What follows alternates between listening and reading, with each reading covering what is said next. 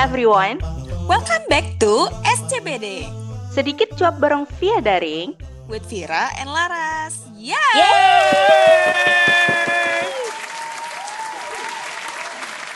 Buat teman-teman yang udah kembali ke kegiatan aktivitas sehari-hari, jangan lupa protokol kesehatan ya. Pakai masker, jarak-jarakan, dan bawa hand sanitizer. Stay safe. Eh Ras, gue mau nanya dong di sekitar rumah lo ada nggak sih perkumpulan ibu-ibu komplek gitu yang suka bersosialisasi, ngumpul-ngumpul, biasanya tuh ngegosip gitu. Jelas sekali ada Bu Vira. Oh gitu ya. tuh anggotanya. Ma Anda dan geng-gengnya gitu ya. Betul sekali. Nah pas banget nih, eh gue baru selesai nonton film itu tuh, film pendek yang lagi viral. Udah nonton belum? Aha, aha. Udah dong. Yang yang judulnya Tili itu kan Tili itu bahasa Jawa nggak sih artinya itu ah artinya Tili itu apaan ya? Artinya adalah menjenguk orang sakit. Ah, iya iya iya. Benar benar. benar. Kita bahas itu kali ya, karena kita sama-sama udah nonton. Boleh, boleh, boleh. Karena kita Mm-mm. juga hamba-hamba tukang suka gibah ya kayaknya. Eh iya mungkin ya, lumayan lumayan. Bakal relatable banget gitu ya ke banyak orang sepertinya film ini. Eh, maksudnya orang bikin itu viral di Instagram, di YouTube itu tuh nggak salah sih karena emang filmnya bagus dan sangat relatable. Genrenya itu kayak tentang kehidupan sehari-hari gitu kan. Mhm. Terus dia juga ngebahas apa budaya masyarakat Indonesia yang si Tilik itu men- menjenguk orang sakit itu kan merupakan salah satu budaya orang Jawa kayaknya ya. Mhm. Eh, terus gue suka banget itu tuh sebenarnya acting dari aktornya. Walaupun setelah gue baca sendiri, eh, gue research tuh yang bener-bener aktor tuh cuma dua atau tiga orang deh kalau nggak salah si Ibu Tejo, Yuning, sama siapa gitu. Terus the rest of the ibu-ibu is the real ibu-ibu, you know, from the Iya, village. iya, benar-benar. Mm-mm, jadi dia kayak baru pertama kali main film juga. Terus eh gue suka ini sih premisnya as simple as si ibu-ibu ini mau ngejenguk bu lurah yang lagi sakit gitu kan. Terus settingnya as simple as di atas truk doang, terus di depan masjid bentar sama di depan rumah sakit. Tapi yang bikin gue suka itu si adegan-adegan yang Indonesia banget. Adegan-adegan yang bener-bener eh, ala masyarakat Indonesia banget yang ada di, Sangat di lokal ya. Mm, sangat lokal yang terjadi di atas si truk itu gitu loh. Mm-mm, Eh, benar-benar. Jadi di perjalanan mereka itu mereka ngomongin si Dian ya kalau nggak salah namanya kayak Hmm, si bunga desa, si kembang iya desa. bener-bener si Dian ini tuh nggak tahu kenapa su eh, awalnya kayak tiba-tiba eh, digibahin gitu ya kayak diceritain dipanas-panasin nih sama salah, salah satu ibu-ibu namanya Bu Tejo. iki karo dia iki apa bener sesambungan tuh Bu? Hah? Aku ki yo krungu-krungu. Fikri iki mau mangkane rumah sakit ngetepke Bu Lurah. Iku karo Dian. Oh, toh? Iya. Oh, aneh lho. Iya, Bu. Jadi dia kayak nyeritain hal-hal yang sebenarnya kalau gue tuh nggak langsung percaya gitu loh kayak eh bener nggak sih? Gitu kan. Dia kan nyeritainnya tuh kayak bener-bener soalnya dia menceritakan tuh kayak bener-bener sok-sok menjatuhkan gitu loh Itu kan si Dian itu awalnya digibahin karena ini kan si Dian itu di di mata para ibu-ibu komplek ini kayaknya tuh pacaran sama anaknya si Bulurah kan. Jadi nelpon ibu itu si Bulurah itu sakit. Yuning Yuning Jadi mulailah di situ Tejo si tokoh sentral ini mulai pergibahan tentang Dian gitu kan. Mm, mm, mm. yang paling bisa aku highlight itu dari segi audionya sih karena selama ini tuh aku nonton tapi tuh audionya itu banyak yang aduh gimana ya ngejelasinnya pokoknya tuh kalau aku selama nonton sepanjang 30 menitan itu aku nonton kayak audionya tuh jelas clear gitu loh yang si tokoh sentral ngomong sesuatu yang kemudian sayup-sayup di belakang ada juga yang me- menyahutin dan itu tuh Mm-mm. itu nggak timpang tindih yang membuat kita sebagai pendengar tuh apa ya eh, tuh nggak bikin kuping sakit gitu audionya aku sukanya di bagian Mm-mm. terus eh, di bagian lainnya itu apa ya pengambilan gambarnya sih pengambilan gambarnya cakep banget menurutku. Jadi kan itu pengambilan gambarnya mostly di atas truk ya. Jadi point point of view-nya tuh kita di depan di depan Butejo di depan para ibu-ibu ini. Jadi ketika ibu-ibunya ini lagi gibah kita tuh kayak seakan berada di dalam kelompok itu gitu loh. Jadi kayak Iya bener. Kayak ikutan duduk di situ eh ikutan berdiri ya bener-bener. jadi kayak ada di perkumpulan ibu-ibu itu dan ikutan ikutan vibe pergibahan ibu-ibunya gitu loh. Jadi enak Mm-mm. terus eh, kamu notice juga nggak sih kayak ketika lagi di scene sawah ngelihat dari eh, alamnya segala macam kayak mereka tuh ingin menampakkan alamnya tuh sangat-sangat asri gitu loh. Jadi long long shotnya tuh keren sih menurutku. Aku kan nguyuh nang tengah sawah ngene apa piye? Megah aku, petiula. Kalau Mhm. dari segi teknik nih ya, itu ya ampun, lambe Butejo. Hmm, selama aku nonton tuh ya, kayak pengen, Bu, shh, diem Bu, diem. Ribut banget sih Bu. gitu loh. Iya bener-bener. Aktingnya bagus loh itu si Siti Fauziah ya kalau nggak salah nama yang jadi Hmm, Butejo. Dan itu tuh kayak aslinya tuh orangnya nggak kayak gitu. Jadi kayak dia bener-bener menda- mendalami acting gitu loh. Kalau gue Hmm. rating actingnya tuh 9 out of 10 deh kalau kalau dari gue gitu. Bener-bener natural, bener-bener ala ibu-ibu netizen gitu yang sering kita lihat-lihat di sosmed gitu kan, lambe turah gitu kan. Uh, kompor. Pas, pas aku nonton ya, kalau yang ada di dalam pikiranku nih, yang namanya film pendek, paling em, makainya tuh aktor-aktor. Ya paling baru pertama kali main film atau segala macam gitu kan. Nah, ketika aku selesai nonton filmnya, aku tuh mikir, kok acting mereka pada keren semua ya. Terus makin makin jauh aku makin baca, oh ternyata tuh ada yang orang teater, ada yang orang Mhm. ketoprak. Mm-mm. Wow, jadi makanya actingnya tuh keren banget. Tejo itu kayak eh, apa ya? Mungkin karena di satu sisi dia juga dalam kehidupan sehari-hari mungkin mungkin itu juga relatable dengan kehidupan dia sehari-hari, makanya dia bisa menjiwai sangat-sangat dalam.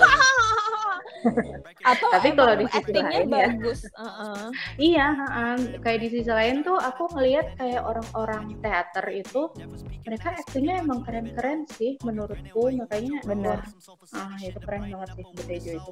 Dan orang-orang teater itu biasanya tema yang diangkat tentang slice of life kan, tentang rutinitas sehari-hari gitu loh. Aku pernah nonton juga ketoprak itu tuh kayak di angkringan settingnya. Jadi literally bener-bener kehidupan kita, kita rakyat-rakyat jelata inilah rakyat-rakyat biasa gitu kan. Filmnya itu kan juga itu ya, em, dia kan mengangkat budaya menjenguk orang sakit gitu ya. Mhm. Ya namanya juga kehidupan orang sosial dan aku pikir itu itu juga masih budaya itu tuh masih ada masih orang Indonesia lakukan gitu kayak ketika aku zaman kuliah di Jogja aku sering ngelewatin rumah sakit Sarjito tuh Mm-mm. Nah, rumah Sarjito, rumah sakit Sarjito ini kan salah satu rumah sakit pusat ya. Nah, yang bero, yang berobat ke Sarjito ini tuh nggak cu- ternyata tuh nggak cuma orang-orang Jogja doang. Jadi sampai orang luar daerah Jogja tuh juga berobat ke sana. Hmm. Dan sering sering aku ngelewatin Sarjito tuh pasti di depan Sarjito itu banyak bus atau banyak Hmm. kayak banyak bus sih. Aku nggak pernah ngeliat yang pakai truk ya kayak di film ya. Soalnya film kan pakai truk Soalnya ya. kan dia di truk karena busnya kosong, nggak ada bus kan? Oh iya benar, iya benar. Mm-mm, Jadi bener. di Sarjito itu aku sering ngeliat banyak bus nangkring dan Mm-mm. ternyata tuh bus yang bawa pasukan dari daerah untuk menilik temen yang sakit, kerabat yang sakit gitu. Hmm, jadi bener-bener re- relate sehari-hari orang Jawa itu kayak gitu ya. Hmm. Dan salah satu pesan filmnya ya, menurutku kalau aku ngelihat dari behind the scene filmnya ya, filmnya Mhm. itu juga mengangkat isu-isu eh, mereka mau menyoroti isu-isu hoax yang sering terjadi di kehidupan kita. kan. Benar, benar. Dan bagaimana orang-orang menanggapi isu-isu itu. Jadi si karakter sentralnya ini kan si Butejo ini dia kayak selalu melemparkan isu-isu hot ke ibu-ibu nih. Tapi Duh. plot twist gitu kan. Ternyata tuh Bu Tejo tuh bener. Itu menurut aku yang bikin eh, moral moral story-nya itu berbeda. Nih, kalau dari aku moral story-nya itu kita tuh harus bener-bener memverifikasi berita yang beredar gitu. Karena kalau gue ngelihatnya kayak eh, si Bu Tejo ini sebenarnya benar, cum- cuma dia eh, gue nggak membenarkan cara dia menjatuhkan si Diannya Iya. sampai ngejelek-jelekin banget. Namun di satu sisi ya, gue juga nggak merasa Yuning itu bener karena dia tuh kayak kesannya menutup mata gitu loh. Karena Dian ini keluarga, dia berasa oh gue tahu nih Dian, gue kenal banget Dian. Soalnya dia kan keluarga gue gitu kan, sehingga dia tuh bener-bener positive thinking gitu. Dia kecewa kan di akhir eh, film gitu karena si eh, apa si Dian itu nggak bisa ditelepon eh nggak bisa ditelepon kan kalau nggak salah kayak eh Eh, ngapain nih si Bu- si ibunya Bu ini si Bu Bu si Yuning ini yang nggak bisa ditelepon karena baterainya habis. oh ya Iya, mereka tuh enak nggak eh, nggak ngapa-ngapain gitu kan karena si bulurahnya tuh masih di ICU gitu. Mm-mm, jadi kalau gue sih bener-bener melihat ini kayak salah satu hal yang ngejelep di gue itu adalah kita tuh bener-bener harus verifikasi gitu loh apakah berita-berita ini bener, bener apa enggak. Jujur gue melihat Bu Tejo ini seperti agen FBI ya dia kayak literally kayak punya CCTV gitu. Oh ya si Dian kan kayak gini, si Dian kan kayak gini, si Dian kayak gini. Kayak ada aja terus kayak yang lain juga, iya dia kemarin tuh sama om-om segala macem gitu kan. Eh, jadi kayak gue melihat dia itu tuh eh, sebenarnya eh, orang itu tipe yang researcher kan, yang melihat nih orang apakah dia pulang malam, terus eh, apakah eh, dia pergi sama cowok yang beda-beda segala macam gitu. Menurut gue itu nggak salah, cuma tuh jangan dikomporin gitu loh, ngerti nggak sih? aku ki dadi kelingan to. Aku ki pernah nyonangi Dian.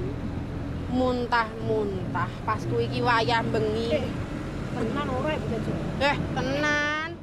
Kalau aku jadi Ibu Tejo, aku akan mencoba untuk don't give a fuck sih. Maksudnya as simple as eh, kalau misalnya dia tidak eh, mengambil suami orang, you know, jadi pelakor segala macem, dan ya terserah dia lah, mau dia sama om-om, mau dia sama bapaknya si Fikri, bapak dan ibunya pun juga udah ini kan, udah cerai kan sebenarnya. Jadi kayak kalau menurut aku sih ya aku as outsider ya aku bisa ngejudge apa gitu loh. Kan bapaknya juga single gitu kan. Kalau aku sih bakal kayak gitu. Kecuali si Bu Tejo ini bener-bener kayak yang eh si Diannya ini bener-bener yang kayak genit ke cowok-cowok yang gimana-gimana gitu baru Eh, tapi aku tidak akan kayak gitu sih. Maksudnya aku akan gimana ya ngomongnya ya baik-baik aja gitu loh sama si ibu-ibu. Nggak usah yang ngompor-ngomporin gitu loh kayak netizen kan. Eh iya loh si ini pakai nge apa sih ngehasut bilang kayak iya aku kemarin ngeliat dia mual-mual. Gitu kan kita nggak tahu ya apa bener apa bener hamil apa enggak gitu loh. Karena balik lagi kan ada pepatah kalau eh, fitnah itu lebih kejam daripada pembunuhan. Jangan sampai kita fitnah gitu kan Eh tapi tuh ya, kadang nih ya, mau percaya nggak percaya, kadang loh ilmu cocok loginya ibu-ibu komplek tuh ya, kadang suka bener tau nggak? Gak tau kenapa ya, kadang apa yang digosipin sama ibu-ibu komplek tuh bener ya? bener. Tapi ya kadang eh, banyak yang nggak benernya juga sih tapi ya itu disclaimernya iya, iya. adalah percaya nggak percaya kayak kayak cerita goib mau lu percaya atau enggak kadang suka kejadian gitu loh Iya sih, maksud aku nggak apa-apa sih. Kayak gibah itu kan nggak 100% tidak benar, tidak 100% benar. Kayak semua orang punya, bisa aja dia bener-bener lihat, cuma dia nggak tahu apakah itu yang terjadi apa enggak gitu. Misal, misalkan contohnya nih, ada anak gadis pulang selalu tiap malam jam satu malam. Orang kan mikirnya nih, anak gadis ngapain pulang jam satu malam dianterin sama cowok lagi gitu kan kan orang mikirnya udah nggak bener gitu kan sebenarnya kalau di kampung-kampung gitu. Karena kampung kan ya kita hidup bertetangga ya. Beda kalau kita tinggalnya di kota besar gitu kan. Orang di kota besar mah don't give a fuck aja lu pulang jam berapa lu nggak pulang kayak segala macem gitu kan. Cuma tuh uh, the thing is we never know dia bener-bener ngapain gitu. Eh, bisa aja dia bener-bener kerja kan tipikal cewek yang career woman yang kerjanya Kayak, you name it lah dia auditor di Big Four gitu kan biar agak relate nih sama Laras gitu kan yang backgroundnya accounting. Aku melihat auditor-auditor yang kerja di KAP itu tuh emang pulangnya selalu pagi karena aku punya sepupu juga sih dan ya gitu gitu loh. Dia nggak bisa tinggal tuh di komplek yang macem-macem itu apalagi misalnya dia masih single gitu kan. Bisa aja dia bener-bener dianterin sama pacarnya misalnya. Cuma ya mereka nggak ada apa-apa. As simple as pacarnya tuh care gitu loh. Ceweknya tuh pulang jam satu malam ya gimana? Ntar pulangnya daripada dia pulang sama taksi mending dianterin gitu kan. Kalau gue ngeliat itu nggak apa-apa sih. Cuma kan si ibu-ibu paling kayak ih dia pulang sama pacarnya jam 2 malam mereka habis dari mana? Pasti kan mikirnya kayak gitu kan gitu sih Mm-mm. Aku amaze-nya adalah saking bagusnya actingnya si Ibu Siti, ah siapa namanya? Iya, Siti ya, Fauzia. Fauzia. Itu sampai itu loh, aku kemarin ada berita, aku kemarin nonton, ah, Ada yang nge-hate bukan sih?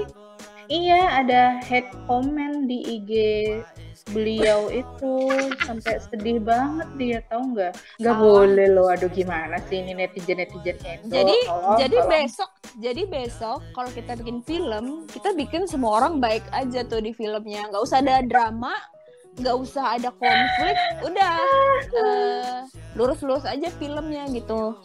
Maksudnya ya orang bikin a- ada-ada orang-orang seperti ini karakter-karakter nyebelin gitu kan. Kalau di apa di drama Korea itu kan karakter yang jahat gitu kan, antagonis itu sama aku inget nih, kalau nggak salah tuh zaman dulu tuh ada tuh sinetron Cinta Fitri yang jadi Misha tuh. Siapa sih namanya? Aku lupa. Dia kan sempet tuh di hate sama ibu-ibu karena emang jahat banget gitu loh karakternya.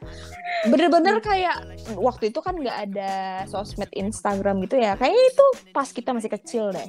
SMP apa SD gitu kan sinetronnya.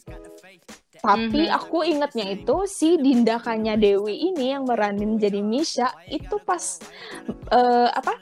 Pas lagi di apa di mall gitu yang nggak jadi lagi nggak acting tuh sampai dicakarin sama ibu-ibu karena mereka kesel Ya ampun. kayak parah nggak sih maksudnya kayak iya dia bilang gini iya acting gue berhasil gue merasa bersyukur cuma nggak kayak gini juga gitu loh. Dicakar loh. Dicakar. Ya Berarti itu Allah. menandakan mereka actingnya udah keren banget dong. iya bener. Dan gue ngeliat di YouTube kayak gue kepo kan sampai dicakar gimana sih? Emang actingnya emang emang nyebelin banget sih gitu loh. Emang antagonis banget sih gitu tapi ya gitulah guys maksud gue kayak kita aku kalau tiap nonton film ya aku nggak benar-benar masukin ke hati sih it's just a movie it's just an entertainment gitu loh Dan menurutku, kenapa di akhir film dibikin plot twist Mhm. kayak begitu? Kayaknya tuh sebagai gambaran eh, bahwa sutradaranya ini tuh ingin mem- memberi eh, apa ya? Ingin memberi jawaban atas semua gibahan yang dituduhkan oleh ibu-ibu. Jadi kan nggak tadi tuh gibahan ibu-ibunya tuh apa aja tuh? Nuduh dia main sama om-om, nuduh dia Mm-mm. pakai susuk, nuduh dia hamil.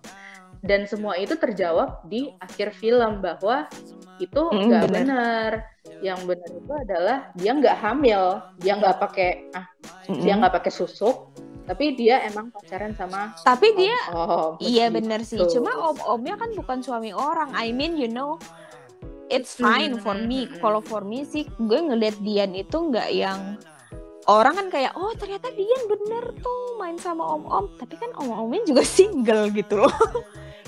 Jadi uh-uh. Iya. kecuali misalnya dia eh, ini plot, plot twist yang lebih plot twist akan lebih plot twist lagi kalau misalnya ternyata dia pacaran sama suaminya Butejo.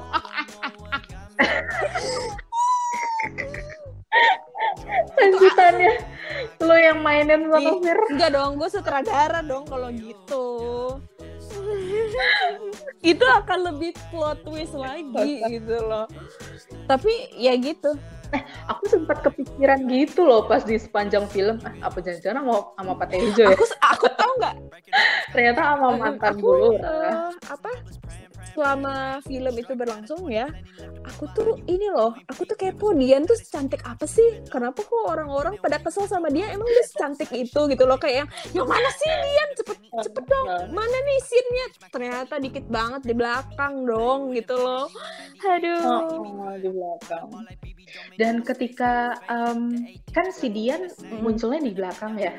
Jadi selama di awal film sampai sebelum si Dian muncul, aku tuh pikiranku tuh kayak kebelah antara dua gitu loh. Aku tuh jadi kayak punya dua kepribadian. Aku kayak mendukung perkataan Bu Tejo gitu Mm. loh. terhasut ya, ampun, gitu ya Kamu kok nggak nikah nikah? Aku kayak terhasut sama semua perkataan Bu Tejo. Tapi ketika scene Dian keluar, oh Dian orang yang seperti ini. Oh jahat banget sih Bu Tejo. Kali aja si Dian tuh emang lagi ngejar Mm-mm. karir. Kali aja si Dian emang lagi nggak mau nikah muda. Karena maunya ben- bentukannya tidak seperti buat dia. karena bentukannya tidak seperti wanita wanita nakal gitu kali ya Iya, bentukannya tuh nggak wanita nakal. Terus diriku yang kedua ini mengatakan, aduh Bu Tejo ya ampun jahat sekali mulut anda Bu Tejo. terus pas lu leadingnya gimana Wah, berkata-kata aku, kenapa endingnya seperti ini? Aku kesel banget. Ternyata aku kesel ya, kenapa endingnya kayak gitu. Jadi kayak seolah-olah Bu Tejo yang benar, Yuningnya yang Iya, salah. benar-benar. Padahal tuh Bu Iya Tejo nggak nggak sih? 100% salah, eh nggak 100% benar. Mm, Tapi dia tapi dia iya, solutif benar. loh. Kayak iya, kayak si Bu Tejo ini aku sukanya dia tuh solutif gitu kayak Yuning udah ini kan udah sedih gitu kan. Iyo, Yuning yo ndak salah. Ya udah mending kita pergi jalan-jalan gitu kan. Eh, udah dulu kali ya. Kita kasihkan ngegibah nih kayaknya. Sampai sini dulu, sampai jumpa minggu depan. Dadah.